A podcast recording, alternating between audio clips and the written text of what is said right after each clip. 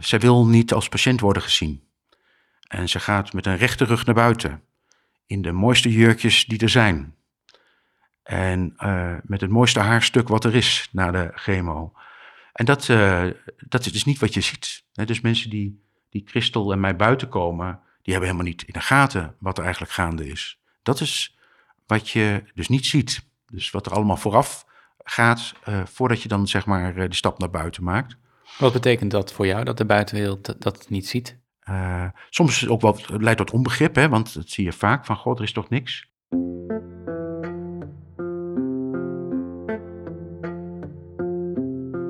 Ongeveer de helft van de Nederlanders heeft een chronische ziekte of aandoening. En een deel daarvan heeft ook kinderen en een partner. Hoe is het om die partner te zijn? Dus om in een gezin samen te zijn met iemand die chronisch ziek is. Op welke manier beïnvloedt dat je leven? Wat is de impact op het ouderschap en de relatie? Dat en meer onderzoek ik in het vierde seizoen van deze podcastserie. Niet alleen ziek. Eerder interviewde ik chronisch zieke moeders en vaders en kinderen met een chronisch zieke ouder. Nu praat ik vier afleveringen lang met Carina, Inja en Koos. Ik ben Maarten Dallinga en maak deze podcast voor Stichting BNP. Aflevering 4, de laatste. Wie begrijpt mij? Als het zichtbaar is in Nederland, denk ik. Hè, dus je hebt uh, mist een been. Of door borstkanker heb je, mis je nu een borst. Wat ook niet altijd nu meer te zien is. Hè? Ja, dan ben je ziek.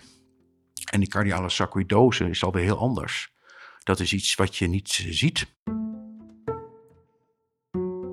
Met Koos en met Carina en Inja alle drie partner van iemand met een chronische ziekte, praat ik in deze laatste aflevering over de omgeving. Hebben familie, vrienden, maar ook zorgverleners voldoende oog voor de impact van de situatie? Ook spreek ik met Carina Koos en Inja over de lessen die zij geleerd hebben door het leven met een chronisch zieke partner. Over de mooie kanten ervan en over de toekomst. Als jij 10 kilometer kan wandelen, maar de momenten dat je zo moe bent en geen puff hebt, ja, die, uh, die, die, zie je wel binnenshuis, maar die zie je niet buiten. En dat is uh, misschien al de, de, de, rariteit van ziek zijn. Hè, psychische ziekten of ziektes die je niet ziet. Ja, dat wordt door heel veel door, door, mensen ook weggewuifd. En uh, er is ook heel veel onbegrip. maar je, ja, je leert dan ook wel in die tijd je beste vrienden kennen. Van goh, van wie zijn er voor je? Want soms, ja, dat, je, hebt, je hebt ook vrienden nodig die dat begrijpen. Zeg je er wel eens iets over? Nou, we hebben, we, we, hebben een, een, groep vrienden en, en dat zijn de vrienden die, ja, we hoeveel vrienden heeft een, een, mens? Maar we hebben een paar vrienden die dat helemaal goed begrijpen. En die ook niet zeggen, joh, gaan we dit doen of dat doen. Dus we houden ook rekening met elkaar in de activiteiten die we doen. En als we uit eten zouden willen, nou, dan, dan doen we dat. Maar dan gaan we niet om acht uur aan tafel, op zijn Frans. Maar dan gaan we bijna om zes uur aan tafel, omdat de avond gewoon veel korter is dus dat zijn dingen die, die, die, die spelen. Dan naar Inja. Haar man heeft een hersentumor. Mensen om je heen, vrienden, familie, buren misschien, um, zagen die altijd, vind jij, voldoende hoe heftig het was en is voor jou? Um, in het begin wel. Uh, maar dan is het heftig voor iedereen. Iedereen is onder de indruk. Iedereen is van slag. Um, maar op een gegeven moment, je zit natuurlijk de chemo's duurden negen maanden. Ja, we, we zijn wel vrienden inderdaad kwijtgeraakt die waar we in dat hele jaar, hele jaar van behandelen niks van hebben gehoord of nauwelijks iets van hebben gehoord. Ja, dan toen dacht ik op een gegeven moment wel, ja, dan is het klaar. Daar ga ik ook zelf geen energie meer in steken. Want als jij in zo'n jaar al er niet voor ons kunt zijn, dan, um, ja, wat heb ik dan aan jou als vriend? Als mensen vragen hoe het met mij gaat, dan, um, dan heb ik de neiging om heel snel te vertellen hoe, hoe de situatie met Chris is op dat moment en hoe, hij, uh, hoe het met hem gaat, hoe de controles zijn, hoe. Um, ja, ik vertel dan, ik merk dat ik dan niet zo snel vertel over, goh, wat, um, wat houdt mij bezig of hoe gaat het emotioneel gezien met mij, want dat is vaak de hamvraag in mijn geval als partner. maar dan val ik terug op de feitjes. Van nou ja, de controle afgelopen maand was weer goed, gelukkig. Nou, dus, dus het gaat goed, is dan eigenlijk de soort van conclusie naar buitenstaanders toe. Terwijl het helemaal niet goed hoeft te gaan daarom. Maar... En waarom doe je dit, denk je? Dat je dan al heel gauw over, over je man Chris begint? Ik weet niet of ik het denk of dat het zo is dat mensen dat makkelijk vinden om daarover te praten. Ehm, en ik het misschien zelf ook makkelijker vind om dat te zeggen in plaats van uh, hoe het nou eigenlijk echt met mij gaat. Dus makkelijker om te praten over hem dan over jouzelf. Ja. Tegelijkertijd zeg je ook, ik, ik mis soms ook wel de aandacht voor mij. Terwijl als mensen vragen, hoe, hoe, gaat het? begin je dus heel vaak heel gauw over Chris in plaats van dat je over jezelf... Ja, dat is wel gek, hè? Ja, eigenlijk doe ik het misschien zelf wel. Omdat het... Ja, ik weet het niet. Ik vind het... Ik heb er niet zo'n helder antwoord op. Dat gebeurt. Ja. Wat zouden mensen kunnen doen om ja, wel bij jou uit te komen? Zou je het bijvoorbeeld fijn vinden als mensen dan doorvragen? Ja, precies dat, denk ik. Ja, ja? vooral doorvragen. Ja. Van, maar hoe is het nou met jou? Dat... Ja, ja. Goh ja, nou, het is fijn dat het goed gaat met Chris, maar hoe is het dan met jou en hoe, hoe beleef jij op dit moment de situatie? En... Doen mensen dat dan niet? Nee. Nu naar Carina, de partner van Koert, die chronische pijn heeft in zijn rug. Ik ben gestopt met vertellen hoe het gaat als het slecht gaat. Hè? Want ik, ik, weet ook niet of mensen het echt willen horen. Als mensen vragen hoe gaat het met jou, heb ik bijvoorbeeld een aantal jaar geleden gezegd: Nou ja, ik trek het dan niet meer, zijn pijn.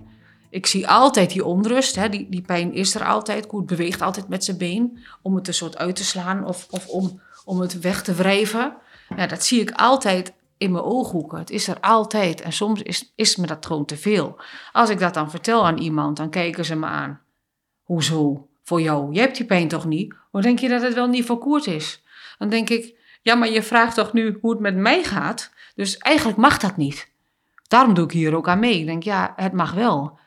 En er is, het, mensen zien niet wat er achter een voordeur gebeurt. Tuurlijk heb ik die fysieke pijn niet.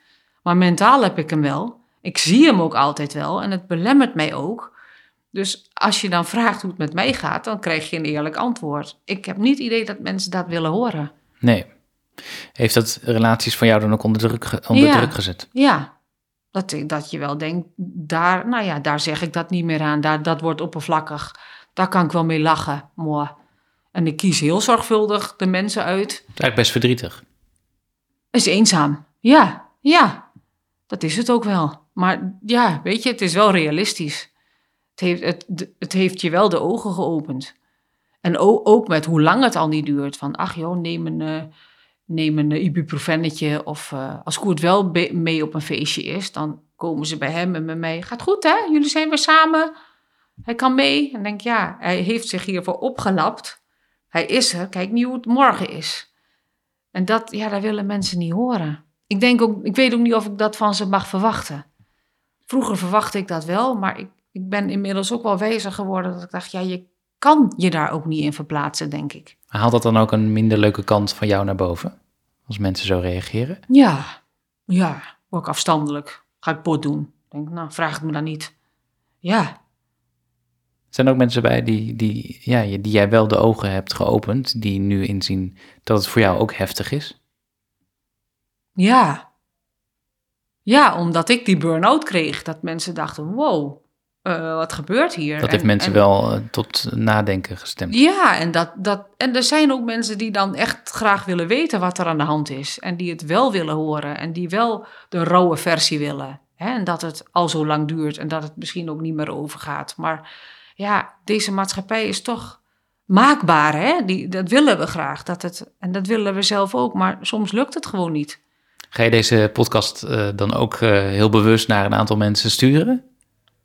Zo van luister eens? Nou, ik, ik, ik, vind, ik zou het mooi vinden als mensen dat gaan luisteren. Ik ga ze niet sturen of dwingen van je moet naar me luisteren. Nee, want ik heb in de, in de, in de afgelopen jaren wel mensen om me heen verzameld die, die het wel snappen. En de anderen denk ik, ja, moet ik dan dan mijn energie instoppen? Misschien niet. Naast steun en begrip uit de directe omgeving is er ook een rol weggelegd voor de zorg. Je hoort Koos. vanuit medische hoek, heb jij het idee dat er voldoende begrip is voor de situatie waar, waar ze in zit? Nou, het complexe met deze drie ziektes hè, die ze eigenlijk heeft, is. Uh, uh, dan zie je ook de verkokering van de medische wereld. Hoe complex het is en hoe knap het eigenlijk uh, Christel dat doet om de regie te voeren. Case manager van haar eigen drie ziekenhuizen. Om al deze specialisten bij met elkaar na te laten denken over de beste behandeling. En dat is echt ongelooflijk hoe Christel dat doet. maar dat is, dat is echt een, een ding, ja zo is, de zo is het nou eenmaal georganiseerd. En die complexiteit van al haar ziektes samen en ook de, de medicatie en de behandeling, ja, daarin is ze eigenlijk een rariteit. Dus ook, ook een soort experiment nog. En dat vraagt ontzettend veel energie van Christel om, uh, om het in goede banen te leiden. Dus het afstemmen tussen al, al die specialismen. En ik ben daar heel vaak bij. En ik, ik, ik onthoud dan ook, het is goed dat we met z'n tweeën dan gaan, van heb je nou alles gevraagd? Of we kunnen daar achteraf dan nog eens even op terugkijken van hoe is dat gegaan. En vraagt zo'n specialist wel eens aan jou, hoe is het voor u? Uh, niet of weinig, nee. Ik vind dat de hulp voor uh, mensen met chronische pijn en vooral de partners daarvan, dat die echt wel te wensen overlaat. Als ik zie dat wij nu elf jaar aan het dokteren zijn geweest, dat er in al die jaren één arts in het Tilburg ziekenhuis is geweest die Koert even links liet liggen en die uh, op het bureau ging zitten, mij aankeek en zei: Hoe is dat nou voor jou? Nou, ik moest brullen, ik hield bijna niet meer op. En die man, die man die snapte het. Dat ik dacht van, joh, jij, jij weet en, de, en je bent niet een betere of een slechtere arts, maar wel dat menselijke. Van joh, ik snap wat het voor jou betekent. En jij moet weer meehobbelen. Jij moet ook de teleurstellingen weer hebben. Je moet alles opvangen. Je moet alles regelen. En uh, ja, dat, dat, dat is er gewoon te weinig. Dus eigenlijk voel je je als partner vrijwel constant niet gezien? Ik voel mij niet gezien, nee. Niet gezien, niet gehoord en laat staan begrepen. Dat zeg ik wel een beetje cru, maar dat, ja, daar komt het wel op neer. Je moet echt voor jezelf knokken. Uh, kijk, Chris is natuurlijk ziek en hij gaat dood, maar uiteindelijk verlies ik mijn man en uh, word ik weduwe en word ik alleenstaande moeder. En voor mij heeft het zeker net zoveel impact eigenlijk. Um, en daar is uh, op sommige vlakken weinig aandacht voor, vooral in de medische zorg, vind ik. Is, is in, in de ziekenhuizen is daar helemaal nul aandacht voor, in mijn ervaring. Ja, want vertel eens, hoe ging dat dan, als jij meeging naar het ziekenhuis? Nou, vooral als ik het dan over dat eerste jaar heb, dat, dat, um, dat ik aangaf dat het nou, dat ik wel behoefte had aan gesprekken hierover met iemand die eh, kennis van zaken had. er werd gezegd, nee, dat kan niet. Er is alleen psychologische zorg mogelijk voor, voor Chris, omdat hij ziek is. Uh, ik mocht als partner wel mee en dan kon ik zijdelings af en toe wel mee in het gesprek genomen worden naar mijn gevoelens. Maar het ging dan in de basis om, om Chris gevoelens en zijn mentale welzijn en... Um, ja, en ook op werkvlak. Nou ja, dat, dat, dat is letterlijk tegen mij gezegd door mijn leidinggevende. Je man is ziek, jij bent niet ziek. Dus waarom zou je niet kunnen werken? Werk je nog op dezelfde plek? Ja, nog wel. Maar dat is eigenlijk omdat ik nooit... Sindsdien heb ik mij nog nooit uh, stabiel genoeg gevoeld om iets anders te gaan doen. Want een nieuw werk kost natuurlijk ook veel energie. Maar ik heb best vaak op punt gestaan om te zeggen van... Jongens, ik kap ermee, ik, ik zeg mijn banen op en ik, ik zie wel. Maar ja, dat geeft weer zoveel onrust. Dat, dat kan niet. Dus dat heb ik uiteindelijk nooit gedaan. En hoe vind je dat je werkgever dit misschien wel gaat horen? Ja, weet je, mijn leidinggevende die er destijds was, die is nu weg. Maakt het makkelijker? Ja. Dat maakt het makkelijker, ja. En ik heb nu sinds kort een nieuwe leidinggevende die wel heel, heel warm is. Nou, die draagkracht is eigenlijk wel echt heel erg vergroot. Dat vind ik wel heel mooi. Bij... Die pijn bij ons, bij, bij Koert, bij mij, bij ons, bij ons als gezin. Eerst was het heel zwaar en het is misschien nog steeds heel zwaar, maar we hebben het gewicht ervan wel heel, heel goed leren dragen. Door, ja, doordat de pijn hoort, er, hoort erbij. Is maar, maar een onderdeel en niet het onderdeel. Zonder het te, te veel te relativeren. Het is er. Ja, maar het is er en het mag er zijn. Het domineert je niet het gezinsleven. mag erom janken en je mag er boos om worden, maar het domineert niet langer. Nee. En dat is waardoor ik het nu denk ik ook wel weer trek. En als je zou moeten samenvatten, eh, op welke manier heeft de ziekte beïnvloed hoe jij nu in het leven staat? Ik denk, ik, nee, ik weet dat ik veel empathischer ben geworden. Ik heb eh, ooit een collega gehad, die kat die stierf. En eh, die was daar twee weken voor in de ziektewet. En ik heb hem toen gezegd, joh, als dat jouw grootste probleem is, ben je toch een gelukkig mens. Ik heb achteraf daar nog mijn excuses voor gemaakt. Want eh, ik zie nu dat ja, ieder huisje heeft zijn kruisje. En mensen oordelen ook over onze situatie. En dan denk ik, ja, maar je kent het verhaal niet. Dus oordeel niet zonder dat je het verhaal kent. Je weet niet het belang van een huisdier, de, de, de ernst van een ziekte, de, wat er achter een voordeur gebeurt. Dus ja, niet oordelen. Dat is wel echt wat ik heb geleerd. Wat is de belangrijkste les die je in al die jaren van, van leven met een zieke partner hebt geleerd? Mm, voor mij persoonlijk heb ik vooral geleerd om, om mijn grenzen te herkennen. Het aangeven is nog stap twee, dat is nog best wel eens lastig. Maar het herkennen van mijn eigen grenzen en het signaleren, het gaat niet oké met mij, ehm, dat heb ik wel echt geleerd de afgelopen jaren. Hoe vind je dit eigenlijk om te doen? Ik vind het wel, eh, wel prima. Het is oké. Het voelt niet raar of zo om erover te praten. En ik heb er ook al wel veel over gepraat. Ehm, en ik vind het belangrijk wel om, om er wel een stem aan te geven aan, eh, ja, aan hoe het is om met iemand, een chronisch zieke persoon, samen te leven. En wat dat doet met je leven. En, ehm, weet je, het is, belangrijk? nou, het heeft niet alleen impact op de, de zieke zelf. Hè? Het, het heeft impact op zoveel meer. Op mij als partner, maar ook op, op, op Levi als kind, maar ook op ehm, ouders, op, eh, op familie, op vrienden. Je kunt het natuurlijk heel eh, ver doortrekken. Het heeft invloed op heel veel mensen. Ehm, maar als partner sta je ernaast en je ziet dat je je partner ziek is. Je weet dat hij doodgaat. Ehm, veel eerder dan gemiddeld, dan je zou wensen. Want je ziet jezelf natuurlijk, je, je trouwt met elkaar om samen oud te worden. En wat hoop je dan vooral aan ja, de luisteraar mee te geven? Of wat hoop je vooral ja, dan hiermee te bereiken eigenlijk? Dat ik geleerd heb dat hoe donker het ook is, dat het wel weer uh, dat het wel weer goed kan komen. En dat, dat het belangrijk is om een basisvertrouwen in je relatie te hebben. Dat vind ik iets wat ik heel erg geleerd heb en wat ik anderen ook zou willen meegeven. Om toch um, ja, dat stukje hoop te bieden van het, het komt wel goed. Hè? Dat, Als in tussen jou en de partner bedoel je? Ja. Ja. Ja. Hoe zie je de toekomst?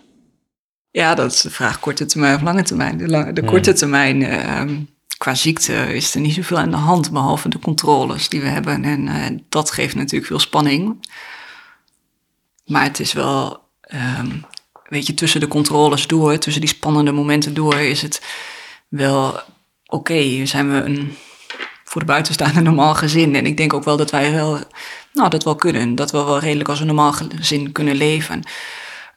Um, op de lange termijn is het, ja, nou, maak ik me daar wel zorgen over. Als ik daar echt over ga nadenken, kan ik daar wel tegen opzien. Ja, want dan ben ik niet alleen moeder, maar dan zal ik ook echt mantelzorger worden. En je weet niet op welk vlak hij zorg nodig heeft. Als het lichamelijke zorg is, dan denk ik dat ik dat prima kan. Maar hij kan ook gedragsverandering krijgen. Um, nou, dat vind ik wel eens lastig, ook gezien het gezin. Hè? Je, hebt, je hebt een kind. Uh, hoe hoe reageert Chris op Levi dan? En um, dan wil je ook daarin weer Levi wel een zo normaal mogelijk, een zorgeloos mogelijke jeugd geven. Um, ik hoop dat dat lukt. Ik, ik weet het niet. Christel, de partner van Koos, heeft sarcoïdose en kreeg borstkanker. Van sarcoïdose kun je niet genezen, wel kan de ziekte stabiliseren. Of de kanker na een kuur helemaal weg is, is onduidelijk. Durf je een beetje in de toekomst te kijken? Nou, ja, nou ja, ik ben niet zo'n eh, ik ben niet zo'n eh, grote planner. Mensen zeggen, joh, wordt er niet tijd om te trouwen? Nee, joh, weet je, we, we hebben allebei hebben we, hebben we een relatie achter de rug.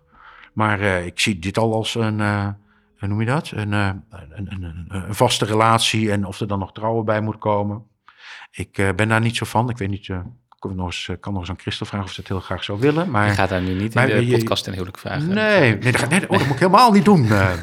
nee, maar eh, dus de, naar de toekomst toe. We zijn eh, door dik en dun. En het is, we hebben al zoveel achter de rug. Dus je zou kunnen zeggen dat we al hebben we alle stormen al meegemaakt.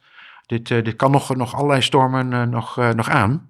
Wat, ja, zonder het helemaal op te hemelen hoor, Ja. hoe jullie het doen. Maar toch, eh, wat, wat zijn wijze lessen die jij misschien andere luisteraars mee kan geven? Ja, wijze lessen. Ik denk eh, eh, dat het erg belangrijk is als je. Nou ja, we bekijken nu even ook meer een stukje terug van mijn mijn eigen verleden.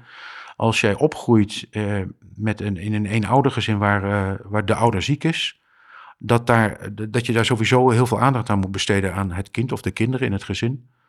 En eh, eh, soms heel moeilijk hè, voor, de, voor de zieke ouder. Maar dat er andere mensen worden gemobiliseerd, al, al is het een, een tante, een oom. eh, eh, dat je aandacht geeft eh, aan, aan, aan de kinderen. Dat is één. Als je in een, nou ja, wat is het? Een klassieke man-vrouw verhouding eh, en er is er één ziek. eh, ook dan weer, eh, eh, een kind kan heel makkelijk een bepaalde rol eh, gaan vervullen. Maar geef ook dan eh, heel veel aandacht ook aan het kind. Maar denk ook aan de partner. En dat die partner ook voor zichzelf moet blijven zorgen. Dat hij, eh, dat hij niet in een overzorgstand gaat staan. Of dat het kind weer een deel van de zorg van de, de andere ouder overneemt. Dus dat is echt, echt, echt heel belangrijk.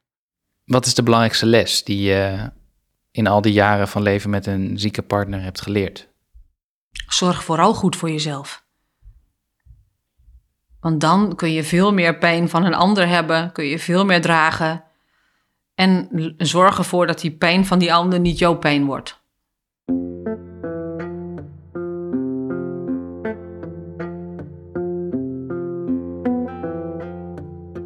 Je luisterde naar de laatste aflevering van het vierde seizoen van Niet Alleen Ziek. Luister ook naar de andere seizoenen. Niet Alleen Ziek is een podcast van mij, Maarten Dallinga, voor Stichting BNP. Esmee Koeleman hielp bij de montage. Kijk voor meer informatie op stichtingbnp.nl. Voor reacties niet alleen ziek stichtingbnp.nl. Vind je dat meer mensen deze serie zouden moeten horen? Laat dan een recensie achter bij Spotify of Apple Podcasts. Of deel een bericht op sociale media. Dat helpt. Bedankt voor het luisteren en alle goeds.